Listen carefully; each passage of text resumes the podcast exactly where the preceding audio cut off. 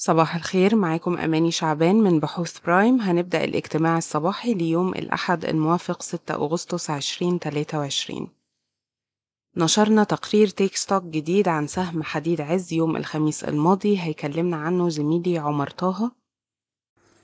شركة العز الدخيلة للصلب التابعة لشركة حديد عز بحصة تبلغ 64.1% هتشطب أسهمها اختياريا من البورصة المصرية بناء على رغبة بعض المساهمين آه، بالتخرج من ضمنهم الحكومة المصرية.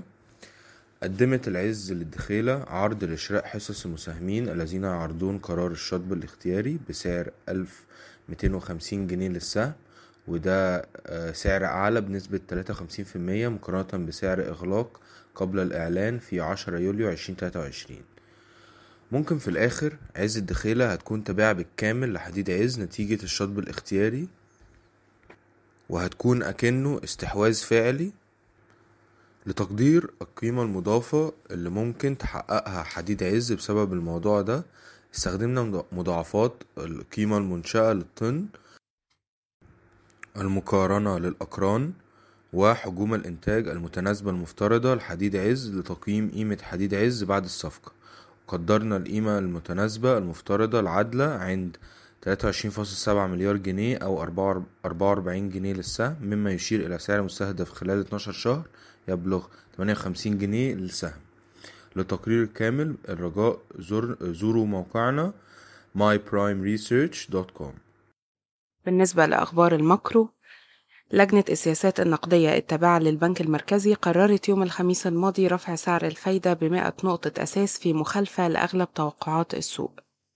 مؤشر مدير المشتريات للقطاع الخاص غير النفطي بمصر يشهد أقل انكماش منذ عامين تقريبا.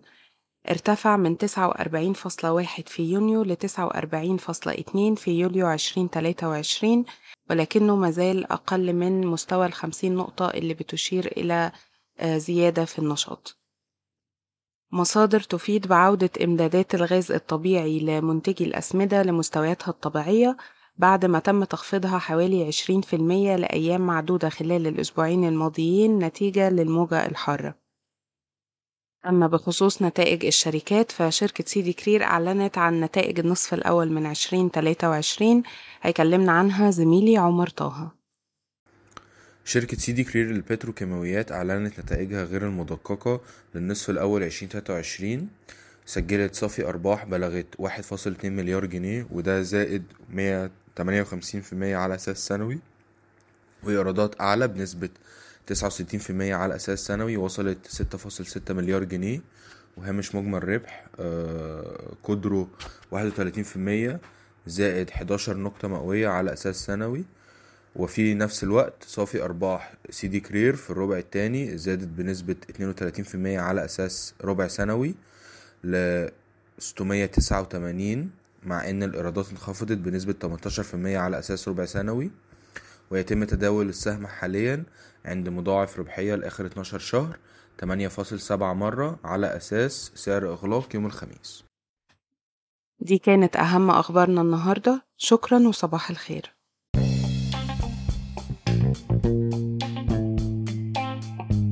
يرجى العلم أن هذا العرض هو لأغراض معرفية فقط، ولا يمكن اعتباره عرض أو توصية شراء أو بيع أو إدارة استثمارات أو خدمات استشارية. ينصح باستشارة مستشارك المالي قبل اتخاذ أي قرار استثماري، علماً بأن الأداء التاريخي ليس مؤشراً يعتمد عليه لتحديد الأداء في المستقبل.